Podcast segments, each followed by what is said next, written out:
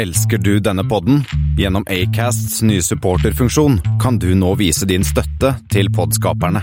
Det er helt opp til deg hvor mye du ønsker å bidra med. Klikk på lenken i podbeskrivelsen for å støtte podkasten.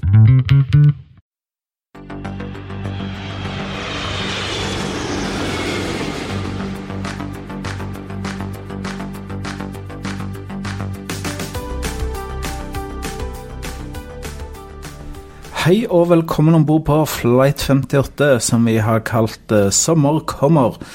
Det er i dag uh, 1. april. Det er en slitsom dag å lese nyheter på, men uh, i hvert fall ifølge flyselskapene så har sommeren nå begynt, og den begynte i går. Og så er det jo garantert aprilspøkfri sone i flypodden. Ja, for det er jo ikke 1. april når våre kjære lyttere hører på oss. Jeg vet ikke når de hører på oss heller. Nei, men Kan hende det er 1. april? Inn i 2020, eller? Det er det. Men i dag så skal vi snakke om eh, Cathay Pacific, som er på en handletur. Har kjøpt seg et nytt flyselskap. TUI har gått på en makssmell. maks-smell. I hvert fall så bruker de maks-argumentet når de sender ut et resultatvarsel. Konkursjernet er åpent for business, og eh, i forrige uke så var det så trangt i døra at ingen kom inn. Nå har det én kommet inn, og vi skal selvfølgelig snakke om det. Og vi skal også en lengre tur til Afrika i dag, for der er det også en stund siden vi har vært. Eh, med I dag her fra Elvebredden Studios har vi da Christian Kamhaug. Espen S. og undertegnede Thomas Lone. Vi vil også takke de av våre lyttere som støtter oss på Patron og støtter oss via Vips. Det er veldig fint, og takk for det. Så gå gjerne inn på flypodden.no og finn lenkene til både Patron og eller og søk oss opp på Vips. Eh, Det er jo i dag Flight 58, Espen, og du har eh, funnet et par eh, flighter som du synes var litt spennende, og som vi kan ta med i dag. Ja, jeg har funnet da to stykker. Den ene er da BA58, som går da fra Cape Town til Heathrow. Og det som er spennende med den, er at i dag så er den satt opp med å gå med den Landor-bemalte 747-400-maskinen.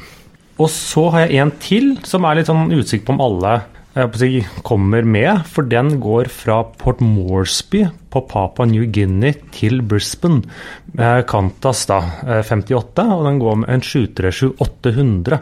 Men den går jo fra et av de få landene hvor da rett og slett kannibalisme er, eh, kommer høyt opp når du googler det. Eh, så jeg er litt usikker på om eh, de alltid har full flighterute ut derfra. Da kan vi spare litt på cateringen, da, kanskje. Ja, Kanskje de mister noen i det. Det, det blir ofte no-shows på den ruta.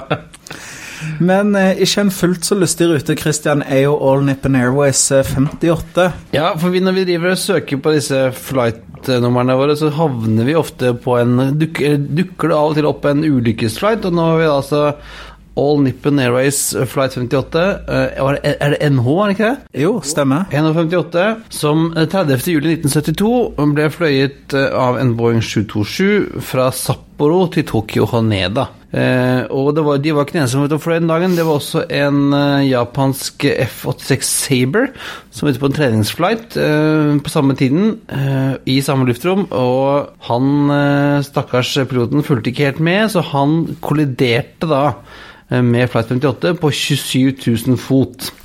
Traff eh, vingen, traff på Saberen, traff halen på 727. Eh, han, eh, piloten på F86-en klarte å skyte seg ut. Det, de hadde samme muligheten hadde ikke de 162 om bord på Flight 58, som alle omkom da flyet gikk i bakken eh, ved en liten by som heter eh, Shizukushi. Eh, og på det tidspunktet da, i 72 så var det den verste flyulykken i historien. Som ble da forbigått av Aeroflot Flight 217 13 måneder senere. Eh, Piloten på denne Sabelen ble faktisk tiltalt for uaktsomt drap på 162 personer, eh, men ble frikjent. Eh, Mens de to av toppene i de japanske flyvåpnene de måtte gå av i vanære som følge av denne ulykken, som var blant på at de hadde treningsflight i kontrollert luftrom. det var Er det et land som kan dette med vanære, så er det jo Japan. ja, vi slapp harakiri, heldigvis, for, dem, men det var ikke bra. Nei, Jeg tenker Du sitter der 27 000 fot, aner fred og ingen fare, og så plutselig så krasjer det et eh, jagerfly inn i flykroppen. Altså. Jeg lurer på hvor mye du får med deg da, altså. Ja, det, det, dette flyet mista kontrollen ganske fort og begynte å stupe nedover, men eh, gikk i oppløsning før det traff bakken, så de må ha fått med seg ganske mye på vei ned. Og det var jo sånn på 70-tallet, så hendte det jo faktisk at det var sammenstøt mellom, eh, mellom fly. Det skjer jo veldig sjeldent nå. Eh, enten mellom eh, to passasjerfly skjedde jo, det har vært mellom passasjerfly og jagerfly, og mellom passasjerfly og, og GA-maskiner. Noe av det siste jeg husker av de større ulykkene, var vel i Brasil. Den Gol uh, 737-en som krasja med en Lerjet, var det det? Ja. Det stemmer, ja. ja. Så det, ja, ja, det begynner vel å bli en Ja, og del så hadde du det den derre Tupoleven og den DHL-en som Ja. er over Tyskland. Tyskland, Sveits, helt i sør der, den øh, Da var det jo en som uh, fikk skylda for den. Han ble jo stukket ned etterpå. Ja, en av de etterlatte. Ja. Så, men det skjer heldigvis veldig sjelden at ting krasjer i kontrollert luftrom. Det kan vi bare takke sikkerhet og alt for, fordi det, heldigvis er det ikke der man, man ryker som regel. Litt sånn dårlig stemning til inngangen til dagens nyheter, følte jeg, men eh, vi kan jo eh, kanskje på litt mer lystigere side se på Qatar Cathay Pacific, som eh, er ute og drar fram både sjekkhefte og spanderbukse. Og hvem er det de kjøper opp nå, Christian? De kjøper altså Hong Kong Express Airways, eller HK Express kalles det vel også, fra dette HNA Group i Kina, som vel sliter litt med, med pengene, med cashen. De har vel kjøpt seg inn overalt hvor det finnes noe å kjøpe. Jeg så en trailer i går som det sto HNA Group på. Ja da, de har kjøpt seg inn i veldig mye, og veldig mye har ikke noe med luftfart å gjøre også. Noe annet noen banker og annet. Du kan si traileren, det er jo logistikk. Luftfart er logistikk. La oss Er det ikke også noe det. sånn Skychefs og noe matgreier? Jo, og masse. Og mange, mange selskaper. Og har da kjøpt litt for mye, lånt litt for mye penger, og, og da slitt litt. Men det er jo litt sånn forskjellig for de som selger disse. Eh, Det er egentlig da er det Hong Kong Airlines som Ja, for- er liksom nummer to-gruppen Ja. i Hongkong. Og Cathay har betalt uh, det, 4,93 milliarder Hongkong-dollar. Det er vel en uh, halv, litt, litt en halv milliard, eller noe sånt? Nei, det er vel rundt eh, fem milliarder, det. Ja, selvfølgelig. Ja. Og jeg, Halv, en halv milliard dollar, jeg prata. ja, noe sånt da. Og det jeg tror er at de kanskje betaler veldig mye for hva skal jeg si, slott- og landingsrettigheter på Hongkong, har jeg litt mistanke om her. Blir seg, og i tillegg til å bli kvitt en konkurrent for nå. Det er jo da fire flyselskaper som har hatt eh, hjembase på eh, lufthavnen i Hongkong. Det har jo da vært Cathay Pacific, og det som tidligere het eh, Dragon Air, men nå heter Cathay Dragon. Eh, så det sier seg selv at det har samme eier. Høres ut som en kinarestaurant, spør du meg. Ja. Stikk ned på Cathay, stikk ned med Cathay Dragon og kjøp noe, noe vårrull, eh, Espen. Ja, det. Ta med noe stekt ris mens du er der.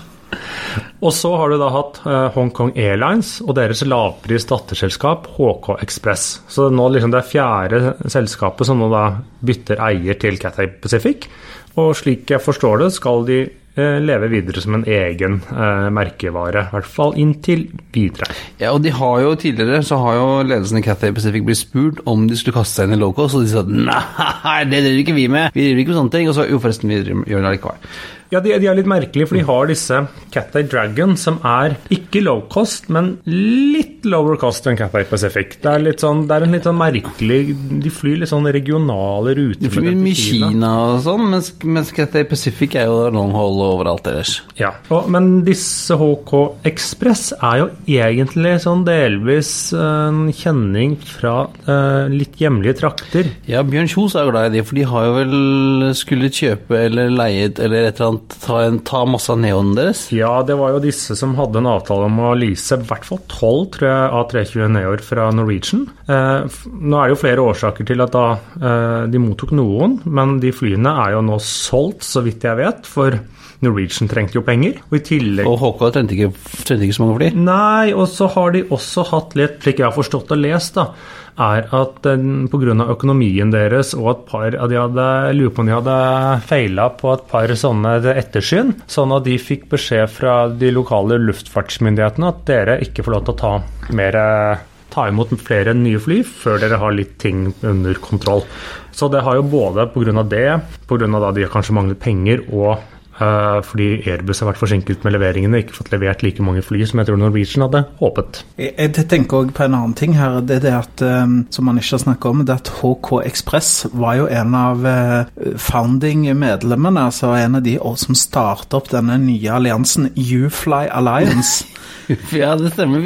Det er jo, den snakket vi om i vår uh, allianseepisode. Yes, det stemmer. Det var jo sammen med Alle disse her er jo selskaper som er under HNA Aviation. Uh, de starta det opp sammen med Luckier, Umcuier, Westair, som er blant Ja, alle de ligger under HNA Aviation. Og da skal de fortsette Ufly Alliance. Går de ut? Blir de en affiliate eller sånn regional partner til One World? Det er mye Blir de Cathay Express?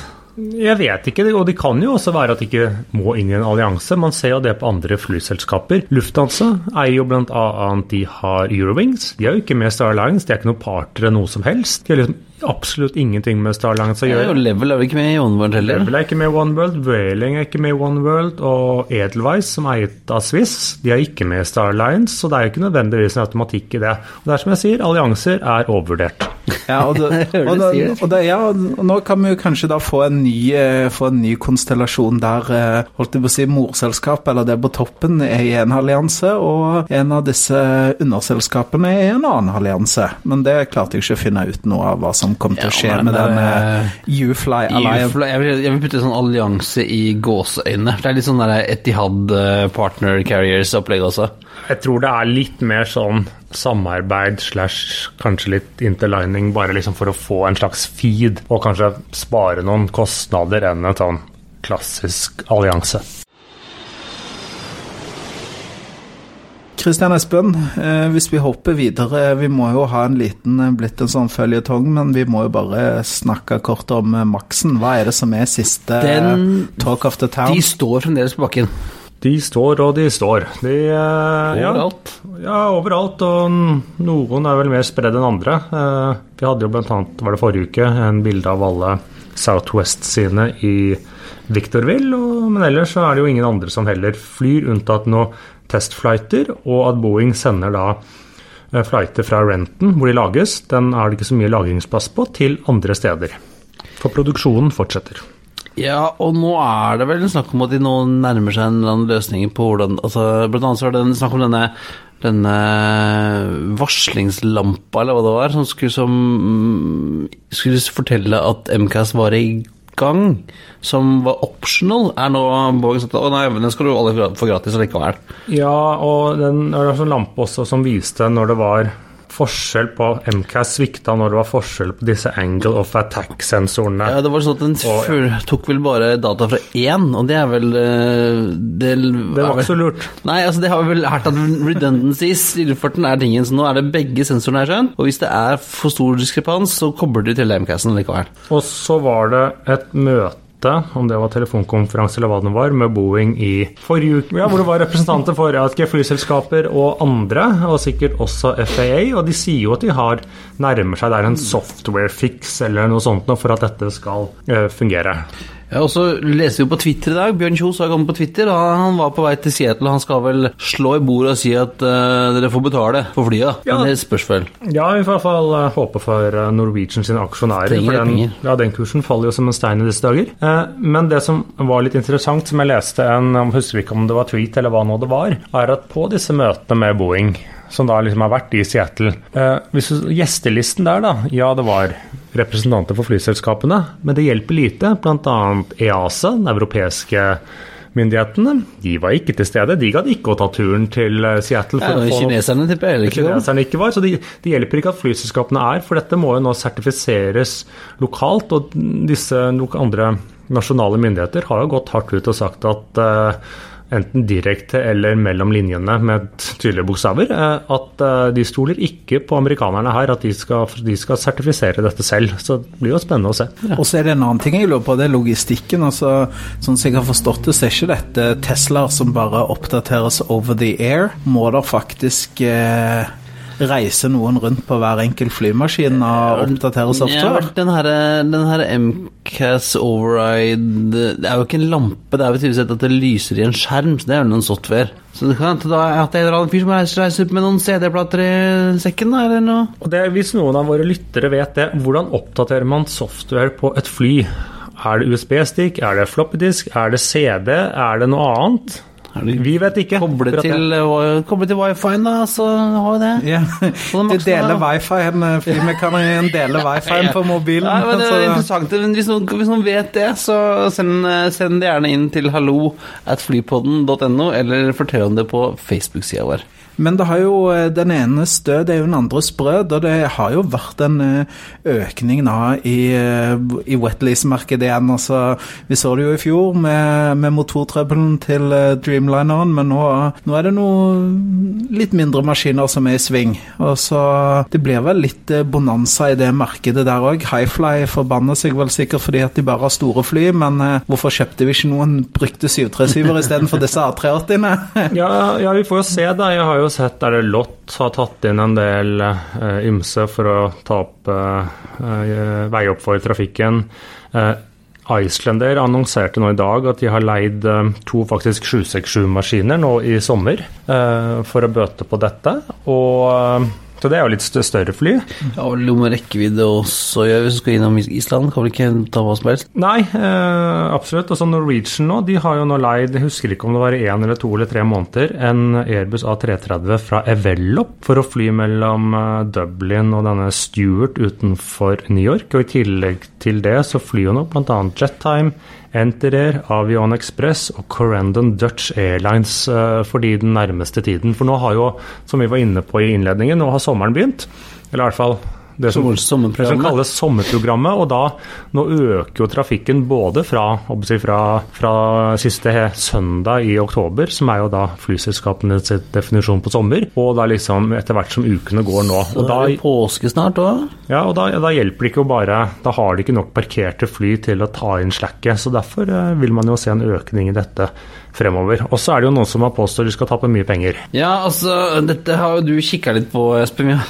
Om TUI har jo vært ute med resultatvarsel, og de sier eh, at eh, 15 parkerte makser koster dem 2 milliarder kroner. Ja, sånn cirka. Det var 200 millioner euro, tror jeg det var. Og så så jeg på tallet så jøss, det var dyrt, da må jo andre også tape store penger. Og så prøvde jeg å tenke litt, prøvde å regne litt, og så kom jeg til en konklusjon at jeg tror ikke på dem. Nei, for Hvor mange skjorter kan du kjøpe deg for to milliarder? Det er noen. Du kan litt avhengig av listepris og sånne ting, men du får i hvert fall tror jeg, en fire maskiner, men kanskje mer. Men jeg, jeg tror rett og slett ikke på det. Så jeg tror at dette resultatvarselet til TUI, her ligger det mye annet inni. Her er det mye rart, fordi at eh, jeg prøvde å liksom google meg fram til hva wetlease og hva leasing koster av en 737. Uansett, jeg fikk veldig mange forskjellige resultater. Men du kunne leie mye, eller lease mye fly for 2 milliarder kroner, og ja, en 737-800 bruker en sånn, er det en 20% mer drivstoff enn en Max, men du kan også kjøpe veldig mye fuel for 2 milliarder Ja, kroner. og nå har jo TUI har jo allerede meldt fra tidligere at de hadde litt eh, Vi, vi ser at det var litt eh, De har litt issues. Eh, tysk, eh, som overtagelsen av deler av Air Berlin og sånn kosta penger. Ja, jeg, Det, hele det, hele det, det charter inclusive tours-markedet rister jo litt. Jeg, jeg har jo eh, faktisk vært i dialog med SAS i, i sin tid når jeg, når jeg jobbet med denne her MD87-charteren. Eh, og da fikk vi jo den sånn ganske til innkjøpspris. Uh, og det Man kan fly ganske mye. Uh, vi hadde jo den maskinen en hel dag. Han fløy jo en del timer, så så det er klart, eh, for to milliarder så får du ganske mye flyvning, Espen. Jeg tror du har, eh, tror du har rett i det. Ja, for de sier nå at dette skal liksom veie opp er det fram til juli, sånn det var tre eller fire måneder parkert. Her, her er det noen som benytter seg av sanksjon. Det gjelder alltid å ha Hvis du har litt, eh, sliter litt med andre ting, så er det jo aldri dumt å kunne skylde på noe som du ikke har selv skyld i? Nei, det var, eh, om det er problemer med Dreamliner-motor, eller om det er eh, makser, eller om det er eh, whatever. Det er sant, men eh, selv om det er litt eh, rufs i eh, holdt jeg på å si med Max-flyene om dagen, så går jo, som vi var inne på, produksjonen fortsatt. Og vi fikk jo se bilde av den første Max 10-maskinen eh, komme togene inn til eh, montering i Seattle. Eh, og de har jo, den har jo solgt godt, den òg, så mm, det er vel Er det ca. 570 ordre tieren? der, Espen? Ja, eh, det er sånn rundt omkring det. Nå har ikke Boeing alltid nedbrutt i ordrene sine, men den har jo denne lengste versjonen, den maks 10, har jo vært en større salgssuksess enn da Max 9, eh, tydeligvis vært. Selv om det er jo noen litt usikre ordre her. Blant annet Lioner har jo bestilt 100 maskiner, og de er jo ikke sånn kjempefornøyd med Boeing etter deres flykrasja. Eh, så får man jo se. Totalt snakker vi om 5000 makser på bestilling, så hvis han de Ja da, men de, de tåler jo da noen, um, noen avbestillinger. Men det er i hvert fall en sånn, når du ser på flykroppen, så var det sånn Oi, det var en lang 737. Den er ikke montert ennå, da, som du ser liksom da Vi legger ut et bilde, selvsagt. Denne eh, lange flykroppen til da 10-modellen, som ikke da får plass på én togvogn, slik de andre. Så de har måttet liksom spre det litt utover. Ja, det, det som jeg noterte meg mest, var jo den ekstra døra bak eh, nødutgangen over vingene. Det var jo nesten litt sånn eh, Men den har jo ni òg. Ja, stemmer det. ja. De måtte ha den for å få sertifisert den for mer enn 189 pax, var det det? Ja. Så, men så får man jo se, da, håper når de trykktesteren om den kom seg trygt fram til Seattle. For, for de av lytterne våre som ikke vet det, så lages kroppene til 737 lages på Wichita i Kansas. Og så settes de på tog, da uten vinger og hale og sånt, så de tar ikke så stor plass i bredden, til Seattle. Og eh, det hender jo de oppdager kulehull. Ja, for noen som skyter på det, ja. Ja. Og så var det, var det tre som gikk i elva en gang òg. Ja, det var noen vogner som spurte, altså. Det lå noen flykropper der, det stemmer det. Det ikke så lenge siden, bare et par år siden eller noe sånt. Det var, det var bilder av disse tre flykroppene som lå litt sånn henslengt i landskapet. Nei, men eh, det blir spennende å se. Eh, vi får jo håpe de får orden på dette ganske så kjapt. Men eh, igjen, hvis det er noen som vet hvordan softwaren på et fly oppgraderes, send en mail til hallo at flypodden.no. Men Espen, din eh, lille spalte Konkursene, der var det jo eh, utrolig trangt sist. Og eh, vi spekulerte For det, de, ingen av selskapene vi snakket om, sto med begge beina inne i konkursene. De sto med ett bein hver. Men siden sist så har i hvert fall ett av selskapene satt seg godt til rette i konkursene. Ja, vi rakk jo akkurat å slippe forrige podkast før da Wow Air Ja, det var ikke mange minuttene. Nei, det tror jeg var en ti. Denne podkasten gikk en time fra vi slapp podkasten på lufta, til da Wow Air eh, innstilte driften. De var jo liksom veldig ute og kjørte, og så sa vi liksom Vi måtte jo rett og slett snakke om de med sånn forbehold forrige uke, for vi visste jo ikke hva som kom til å skje. Men eh, da var det altså slutt. Slik at eh, de parkerte da flåten sin for godt. De hadde da elleve fly i flåten. Eh, Åtte 321-maskiner, to 321 Neoer og en 320 Neo. Selv om noen av de var jo da alt tatt i arrest av forskjellige leasingselskaper. Altså, Wower er jo en litt sånn Det gikk jo veldig godt i en del år, men, men, men hvor, hvor feila det? Hvor er det, er det denne ekspansjonssyken som tok de òg, eller hva, Ja, hva det- tror dere? Det er jo gjerne flere årsaker til det, og så vil man noen si at det er mye overkapasitet og det er stor konkurranse, men her eh, De kan egentlig ikke skylde på det, for sagt, de, de, de, tjente penger de her for noen år siden. De gjorde det ok. De hadde ikke den største operasjonen, men de hadde en effektiv operasjon, og de fløy eh, der de klarte å si, få nok volum. Og så var det det liksom, de si, ekspanderte for mye, ekspanderte for fort. Og det var to ting de da glemte. De glemte å holde fokus på kostnadene. Slik at istedenfor å få storskalafordelene, så økte jo kostnaden. Sånn at setekostnaden gikk opp, selv om du fikk flere fly og flere passasjerer å fordele kostnadene på. Det var det ene. Og så begynte de liksom å åpne um, destinasjoner som var ganske smale.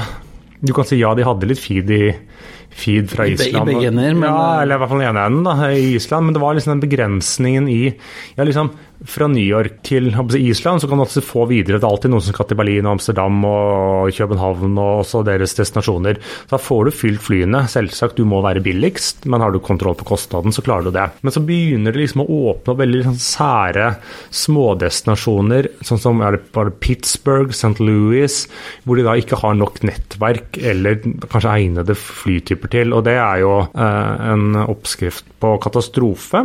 Og så var det den at de var altfor små når de fikk da widebodies inn i flåten. De bestilte disse tre eh, 330-maskinene for bl.a. kunne fly og ha nok rekkevidde til å fly til Los Angeles, San Francisco. Og, og, i, og Asia var vel også det skulle, Det var Delhi var vel også ja, De rakk så vidt, de rakk så vidt å begynne i Delhi. Og det er jo det som er um, problemet med disse widebody-flyene, er at ja, når du fyller dem og nok betalende, så er det der du kan tjene de største pengene. Men det er også der du kan tape de største pengene, for de er jo mye dyrere i drift. De er jo store maskiner, de koster mye i blant eier, eierkostnadene. Sånn at det var jo en uh, oppskrift på katastrofe. Det, er, det var den mest idiotiske beslutningen de gjorde, var å liksom gå for 330-er for tidlig. Og det, det, var en, det som var, dette var jo noen avbestilte eller kansellerte maskiner, som da kom ut på markedet. Også i god islandsk sånn uh, opportunisme, så kastet de seg over dem. Og det var litt av den som var en av hovedårsakene til at dette ikke gikk bra. Ja, og det var vi snakket om forrige gang.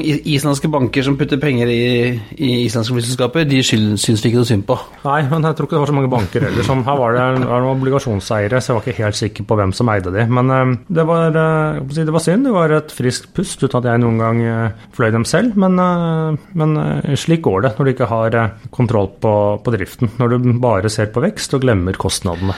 Tenker jeg nok at det sitter noen oppe i hovedkontoret til Icelandair Reykjavik og er veldig fornøyd med at det gikk som det gikk. Jeg så jo at Iceland var ute og tilbydde sånne travel home fares for var det 80 eller 100 dollar eller et eller annet sånt da, for å få folk hjemme fra destinasjonene, så det var jo uh, Men nå har de også fått i kjeft på Island, da, fordi at eh, på en del destinasjoner så har de økt prisene med eh, 200 eh, etter at Huawei gikk på trynet. Ja, men jeg, liksom, jeg, jeg ser jo det hver gang et flyselskap går konkurs eller det er streik eller hva det måtte er, så klager de over at konkurrenten øker prisene, men det er jo loven om tilbud og etterspørsel. Jo, da blir det Jo, men altså Når tilbudet strupes og etterspørselen er konstant, så må det jo bare skje én ting. Husker det var Christian, har ikke du jobbet med revenue Jo, management? Kjære deg. det var jo det vi gjorde feil, da, vil jeg si. da, ikke sant? Når, når SAS spiste Bråten, så gikk, ikke prisene opp, og da kom det jo en sånn der liten jævel på siden, da. Ja, men her er det jo snakk om liksom kortsiktige effekter, og det er, Ja. de, det er jo andre i markedet òg, men de, de, de må jo da kunne liksom forsøke å øke sin egen inntjening, for Jo, Iceland du er tjente jo ikke penger i eh, fjor, de heller. Gjør det litt subtilt, Espen. Dette med revenue management det kan vi jo kjøre en hel episode om, så det har vi jo gjort òg. Ja, det har vi gjort òg, så det er greit. Men vi kan eh, hoppe ifra Island og til Sverige skråstrek Spania, for en av de største fraktselskapene i Europa, de kan eh, gå ifra Sverige til Spania, Christian. Ja, for jo, vi har jo snakket om selskaper som trenger refinansiering. Forrige, forrige uke snakket vi om UTR og Jet Airways, og nå er det altså West Atlantic som flyr eh, fraktmaskiner. Veldig mange eh, ser dem ofte på Gardermoen. Der står det en, en rad med ATP-er, og kanskje en, en eh, CRJ 200 som flyr frakt til Norge. De flyr vel for Posten, Posten, ja. Posten Ja. hovedsakelig? Jo, og så er det ikke West som kommer med denne De har en ombygd 737-800 frakter. Den Jo. første som ble bygget om. Ja, stemmer. Den eh, ser vi også ofte på Gardermoen. Og så har de noen, har de fire 767-er, det har jeg ikke sett. De flyr vel litt sånn for uh, typ DHL og sånn, tror jeg, også. Uh, har altså mer enn 50 fly og kaller seg Europas største frakt- fraktselskap, men uh, trenger mer penger. Uh, og da er det et spansk selskap som heter Luset Eh, Som er inne og eh, har funnet noen, funnet noen penger eh, for å investere da, i West Atlantic. Og Lusat eier altså fra før av Swift Air, som flyr frakt med 737-er og Embra Bras Brasiliaer og ATP-er, eh, AT, ikke ATP, men ATR i, i Spania. Så eier de også det Aviation Leasing i Spania. Og de eh, skal altså være inne, inne interessert i å, kjøpe eh, det, det hele deler av West Atlantic, som vel i fjor tapte noe sånt som 60 millioner svenske. Ja, det, de har jo ønsket å kjøpe aksjene og så nedbetale en del gjeld, sånn som jeg har forstått det. De, de ønsker å da eh, restrukturere selskapet finansielt, altså at de tar eierandeler og kjøper kjøpe ut litt gjeld, så, ja. så, kan det jo altså Det er jo ikke må si, på en omsetning på 1,8 milliarder svenske kroner, og så Tapte de 35 millioner? De 35 ja. millioner, så det er, jo ikke, det er jo ikke så stor prosent av driften som, som er underskudd. Så, så, jeg tenker at uh, hvis du klarer kanskje å bli kvitt litt dyre lån, du klarer å omstrukturere på litt andre måter, Men, så det er ikke så mye som skal til her. 1,8 milliarder i omsetning på 50 fly, det er, ikke, det er ikke mye penger de drar inn. Nei, men hva koster de flyene i disse Nei, gamle ATP-ene deres? Er ikke de omtrent verdt vrakpanten? Jeg tror de er godt betalt. Eh, det er det jo. Jeg er jo litt interessert i dette med elbil. Vi har jo elbiler, Kristian. Eh, men nå, nå, er det jo noen som eh, faktisk vurderer seriøst å konvertere alle sine fly til elektrisk drift fra 2022. Og det er ikke Emirates som går ut og ønsker det, det hadde jo vært litt morsomt, men det er altså det relativt uh, ukjente selskapet Harbour Air som holder til på, på vestkysten i USA og Canada. Flyr litt rundt Seattle og Vancouver og om, omkringliggende områder. Og det som er litt morsomt Overraskende stort, da. Ja. 40 fly. Og det er ikke bare 40 fly, men det er 40 sjøfly. Yes. Så det er jo litt spennende. Og de, de har gått ut og sagt at de skal eh, Nå eh, er de ute i markedet og promoterer seg selv som eh, the world's first all electric airline. Og de har inngått et partnerskap med noen som heter Magni X, som vil da konvertere alle disse sjøflyene til elektriske fly. Ja, og, og grunnen til at Harbour Air mener at de kan få til dette, er at de flyr riktignok mange fly, men de flyr små fly. Altså Beavers og sånn. 10, 6, 20, 8, 10, 12 paks. Og kort. Og kort. Ikke minst de flyr kort. Uh, under 1000 miles, alle sammen. Så det, det, det, tenker jeg er veldig spennende. Men er det én ting som vi, uh, både oss elbilsjåfører og, og fer, Vi driver jo og elektrifiserer ferjene på Vestlandet og litt sånn. Så er det jo dette med hvordan skal man få dytte inn nok strøm i disse flyene på et uh, kort tidsrom. Altså, jeg ser jo for meg at de vil jo ha en ganske ønske så høy som mulig utnyttelse av disse flyene her. Ja, jeg, jeg, jeg, tror nok ikke det er problemet. Her er jo litt problemet hvordan de skal få med seg strømmen. Ja. ja. for det er klart batteriene veier jo litt. Det gjør de absolutt. Så, så um, Ja, det, det, er jo noen teknologiske utfordringer her, da, men uh, de har vel en, en, tre år på å løse de sammen med disse Magni X, da. Som har jo en, en 750 hestekrefers uh, elektrisk motor som allerede fungerer ganske bra, men det er, det, er det der å finne den derre ja, balansen mellom uh, ha nok kraft og ikke være for tunge. Men så er det jo en er en annen vei, da, som nå UTC, Universal Technology United Technologies. United Technologies, unnskyld. Som bl.a. eier Pratt Whitney. Eh, og, og Cessna? Ja, muligens. Det, er et gigantisk konglomerat, men, eller selskap i hvert fall. Eh, de skal lage en hybridvariant eh, av som prototyper. De har sett seg ut en eh, hjemlig traver, kan du si. Dash 800. 100 til og med? Men her er det snakk om en si, elektrisk hybrid, slik at de gjennom å gå for en hybridløsning, dvs. Si at man fortsatt skal ha en forbrenningsmotor, men også kombinere det da med sånn tror jeg, elektrisitet for boosten, mm. kan kunne da spare 30 eh, drivstoff eh, på en på si, flyvning. De sa ikke helt hvor lang den er. så Det er jo også, kan det, si, det kan godt være at det er bare et mellomsteg, men det er i hvert fall også en, noe å se på, for en 30% besparelse er jo relativt mye. Det kommer jo litt an på hvilken investering man må inn med der, da, men jeg uh, lurer på om Widerøe sitter på sidelinjen ja. og liksom ser litt hva det de kommer opp med her. For det, det er jo klart, de har jo en del uh, dash 800 som, som, noen begynner å nærme seg pensjonsalder, men noen er det jo ganske mange cycler ja, og sånn igjen på. Og det som UTAP sier, jo, at de skal jo både lage disse motorene for nybygg, men også kunne retrofitte i ettertid liksom, og bytte motorer. Da har jeg jo videre en, eh, en, fin mulighet til å gjøre det. Så får de sikkert med seg noe støtte fra Enova eller noen andre på veien, så det kan jo bli bra. Nei, men det, det blir spennende å se. Yes, det, ja, det er helt sant. Nei, det blir Altså, jeg jeg syns jo dette er et veldig spennende felt, så dette, dette, kommer jeg i hvert fall til å følge med på.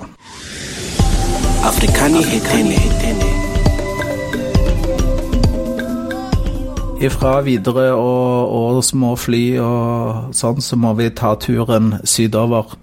Vi må ta Nå er det lenge siden vi har vært i Afrika, så nå tenker jeg at vi tar en runde med Afrikanytt. Og Espen, du har eh, sett til Senegal, faktisk, for der er det et nytt initiativ på gang. Ja, eller det har jo liksom gått litt under, under radaren, for de har holdt på nå i et år. Det er et selskap som heter Air Senegal. Eh, og så kan man spørre er det en ny afrikansk stjerne, eller er det et håpløst prosjekt. Dette er jo et eh, som jeg sier, nytt flyselskap. De eh, oppsto i kjølvannet av noe som heter Senegal Airlines, mitt konkurs i var det 2016, tror jeg det var. Eh, men de kom opp i drift da for et eh, år siden, i 2018.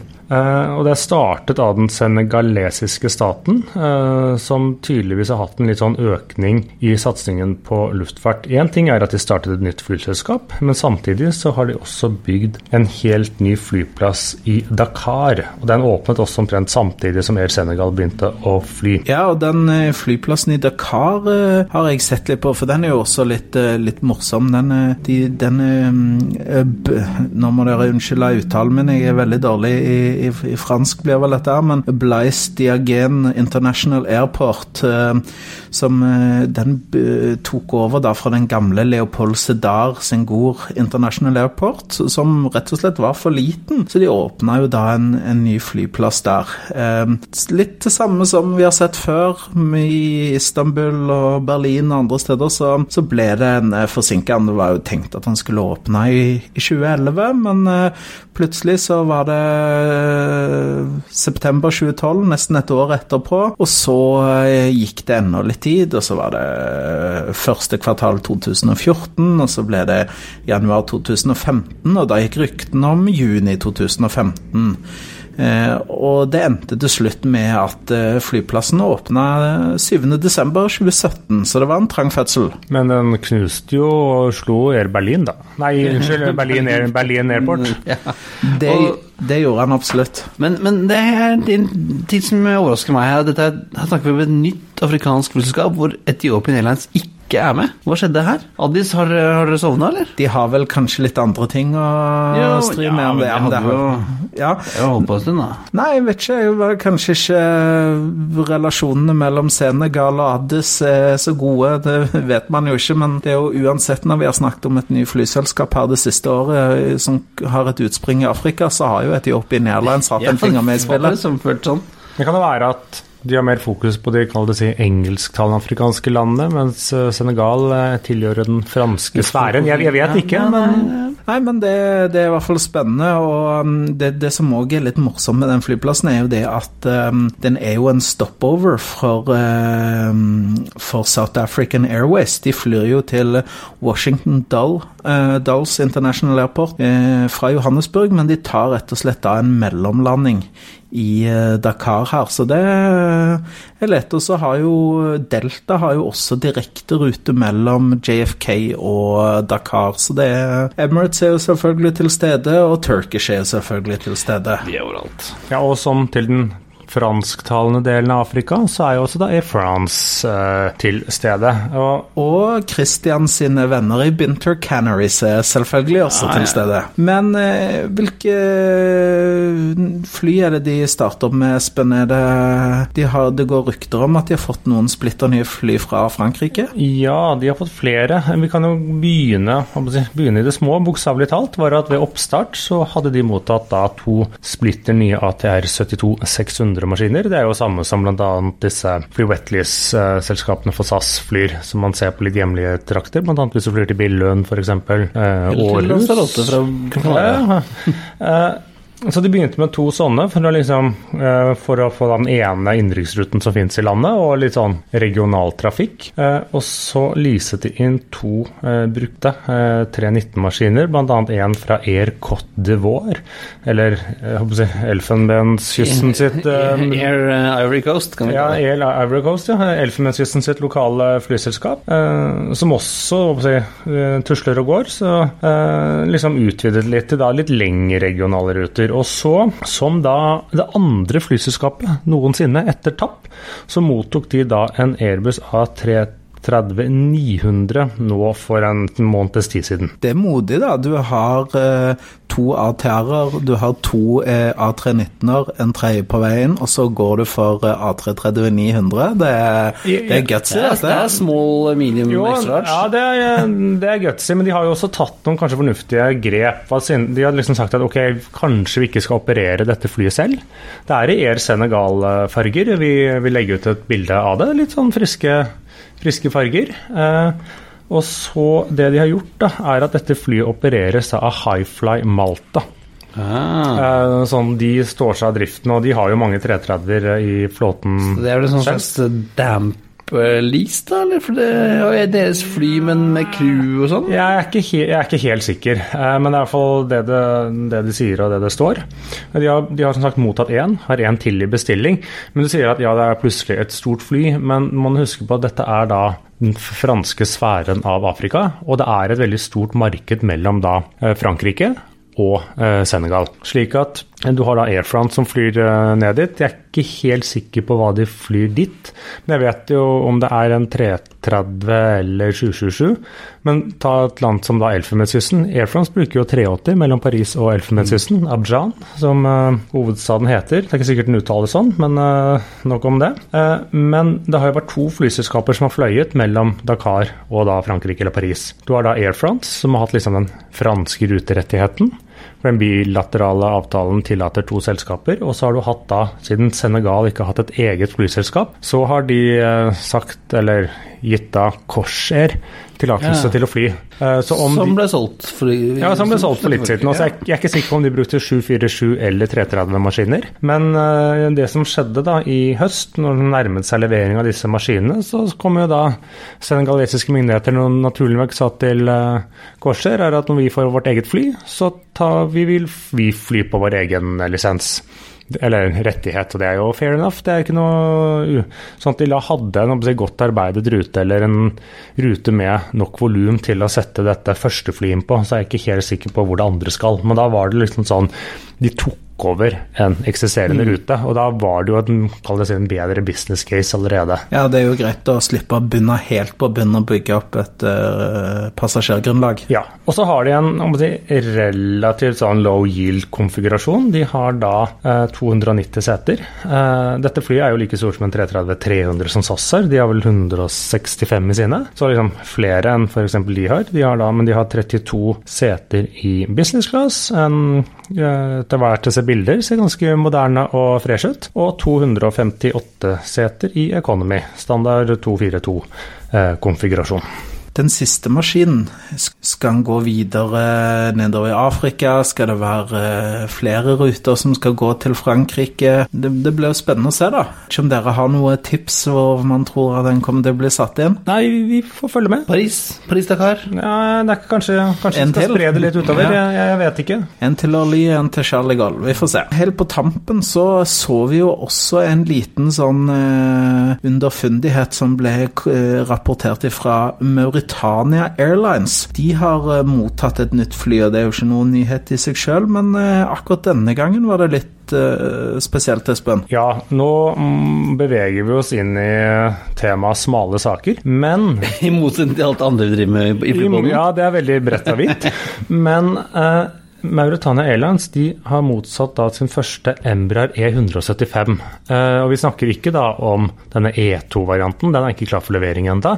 Men liksom, kall det si E1, den originale versjonen som har fløyet rundt Classic. siden Ja, Classic, som vel har fløyet rundt siden 2003, er det det? Ja, Ja, mange år. Men de er da faktisk det første afrikanske selskapet som mottar en ny E175 fra fabrikken. Så det har ingen uh, selskaper gjort før. Jeg var liksom litt overrasket når jeg så den nyheten, for jeg vet jo det går jo flere Embraer nede i Afrika, og flere har blitt også levert nye, men ingen har hatt den varianten før. Det var eh, nytt, men da al- altså Mauritania Airlines førstemann ute med det. Og de har jo en litt sånn uh, hummer- og kanari-flåte fra før av. De har to uh, 737-500-er, de har én 737-700, en 737-800, det er en 737 Max 8 og de har en, en bra ERJ 145, og så nå denne 175-en. En, enhets, en enhetsflåte, med andre ord. Ja, de, de, har faktisk en av alt, ja. bortsett fra disse 500-ene som de har to av. Så det er jo eh, Men de, de har jo holdt på i, siden 2010, og de var jo på EUs svarteliste helt fram til 2012, i slutten av 2012, desember 2012. Men eh, da ble de tatt bort og har vært eh, good to go til å fly til EU siden det. Men eh, de gjør jo ikke det. De, gjør holder, ikke det. Nei. de gjør ikke det. Eh, Ikke med det materiellet der, så holder de seg Ja, ja, kanskje maks 8 eh, kunne klart det, men de flyr stort sett uh, ut fra Mauritania til Benin og Kongo og Elfenbenskysten og Mali og Tunisia og Marokko. Men hvor ofte har du ikke tenkt på at det skulle vært en direkterute til Mauritania, Thomas? Jo, jeg kunne kanskje Det er jo et friskt navn på, på flyplassen der. Nuka Chotum Tunsi International Airport. Så det, det, det Ja, skulle gjerne kryssa den på lista. Nå eh, tenker jeg at det var det vi hadde for eh, denne gangen. Og eh, vi må gå videre til ukens anbefaling. Jeg må bare si, denne har jeg begynt å høre på. Hørte den på i bilen på veien hit i dag. Og dette er en skikkelig godbit, Christian. Dette er flynerding, flyhistorikk. eh, Dette er alt i ett. Ja, altså det er jo ikke sånn det- det- Dette er jo en, en podcast, en ny podkastserie som har begynt nå denne uken her, som heter The Golden Age of Aviation, som gis ut av Monocle, som jo er en sånn, eh, et sånt ordentlig elitistisk eh, nerdeblad. Eh, Nerdeblekket. Ja, det er som en tjukk blekke kommer ut hver måned. Jeg begynte å abonnere på den. Eh, de skriver om design og retail og fashion og reise og litt sånt. Det får vel D2 til å virke som Se og Hør. Ja, omtrent. Jeg, jeg liker at du abonnerer på han, Christian. Ja, altså jeg, jeg begynte med det. Det er et fantastisk blad. Og denne, denne serien, Golden Age of Aviation, er sponsa av Breitling. Selvfølgelig. Som har gitt ut en klokke Som holder på å gi ut en klokkeserie med liksom inspirert av The Golden Age of Aviation. Eh, Den første jeg har sett, er Pan Am-klokka, som selvfølgelig ikke er mer Pan Am enn at den er blå, liksom. Men eh, de har også en Swissair-klokke og en TWA-klokke som jeg ikke har sett ennå, som kommer da senere. Hele konkurshjørnet. Ja, ja, ja, ikke sant? Vi får, vi, vi, vi får gi en liten shout-out til urmaker Bjerke om at vi tar gjerne noen og, og tester Og teste de, Ja. selvfølgelig. Kan vi høre det, Bjerke? Eh, Eller hvem som selger? Jeg vet ikke hvem som gjør det i Oslo. Men altså uansett, tilbake til denne podkasten som heter The Golden Age of Aviation. Hvor de har, her snakker, nærrer de liksom godt tilbake til liksom the good old days. Vi snakker 50-, 60-, 70-tallet. Eh, I den første episoden så um, snakker de med noen piloter som har fløyet inn til Kai Tak, Ja. gamle Hongkong-flyplassen. De snakker med en, eh, en designer som var med å designe liksom, det hele designopplegget for Pan Am Ja, det, på det, det 70-tallet. var veldig interessant, Ja. eh, faktisk. Eh, hvor han som mente at Pan Am var så ikonisk navn at det kunne skrives med, skrives med hvilken font som du ville. Men det ble Helvetica. Det ble Helvetica.